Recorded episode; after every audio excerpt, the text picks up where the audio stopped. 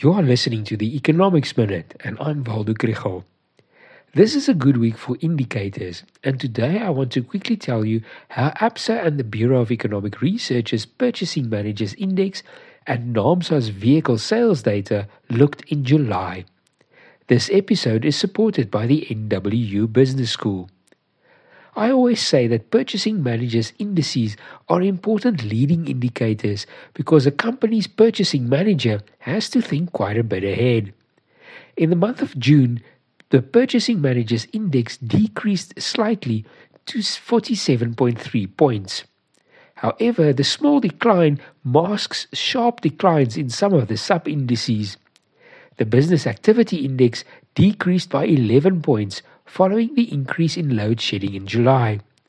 Delivery times have also been longer, but not because there is strong demand, rather because road transport has been disrupted by attacks on trucks. New sales orders were also lower. There is also a strong correlation between the index and production in the manufacturing sector, and this further weakening puts a question mark on the contribution that the sector can make to the economy in the third quarter. The impact of higher interest rates on domestic demand was also clearly visible in July's vehicle sales. Export sales increased by 35% compared to June and were 10% more than in July 2022.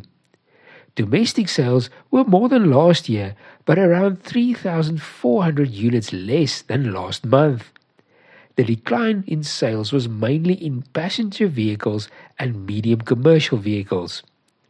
As a side note, Fitch yesterday reduced US government debt's rating from AAA to AA+.